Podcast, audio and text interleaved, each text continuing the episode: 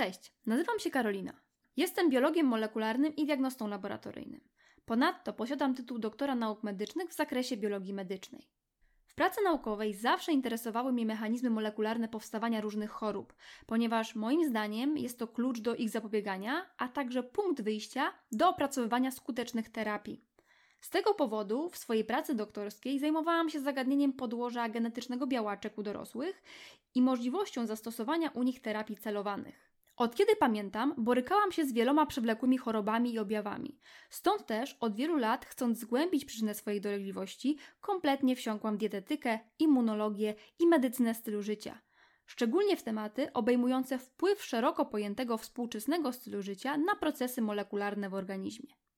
I tak naprawdę od tej pasji i chęci zrozumienia swoich problemów zdrowotnych zaczęła się moja przygoda z edukowaniem i popularyzowaniem wiedzy naukowej i medycznej. Moją misją jest edukowanie w taki sposób, aby każdy na bazie wiedzy opartej aktualne badania naukowe i kliniczne mógł świadomie dokonywać wyborów dotyczących swojego zdrowia lub swoich podopiecznych.